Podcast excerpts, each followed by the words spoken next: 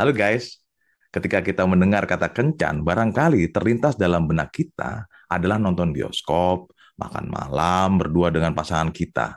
Benar guys? Nah padahal nih, bukan buat bapak dan ibunya saja untuk acara berkencan. Tapi perlu juga buat anak kita guys. Menikmati kencan berduaan dengan masing-masing anak secara terpisah adalah alat perekat hubungan orang tua dengan anak kita guys. Jadi kalau anak kita ada tiga nih, ya masing-masing membuat janji berkencan di lokasi dan waktu yang berbeda-beda guys. Tergantung kesepakatan anak kita. Dampak positif berkencan dengan anak kita, yaitu akan menjadi sebuah momen spesial positif bagi anak kita guys.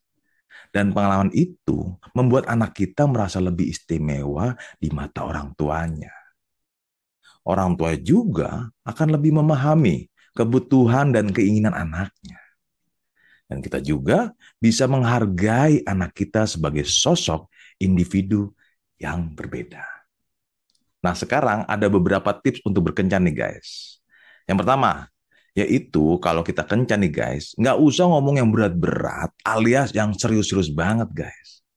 Kalau bisa, kita ngomongin apa yang anak kita suka. Misalnya ngomongin hobi, olahraga, musik, atau artis yang dia suka guys. Sekarang tips yang kedua ya guys pada saat kita kencan, yaitu kalau kita sebagai orang tua, janganlah banyak berbicara. Apalagi malah menasehati. Wah, itu akan lebih kacau guys. Malah bisa-bisa nggak asik kencannya guys. Nah alangkah baiknya kita dengerin anak kita berbicara dan kita ajak bercanda saja guys. Alias ngomongnya receh-receh deh. Jadi kita akan lebih seru dan lebih fun. Ha, yuk kita sama-sama mencoba jalan bareng berdua atau berkencan dengan anak kita ya guys. Semoga berhasil. Nah jika para parent mempunyai anak remaja, silahkan ikut seminar ini. Karena hal ini penting. Mengapa? Kita akan membahas tentang teknik parenting anak remaja berbasis coaching, guys. Dengan judul Menjadi Sahabat Anak Ketika Beranjak Remaja. Silakan daftar di nomor WA atau klik di link kami ya, guys.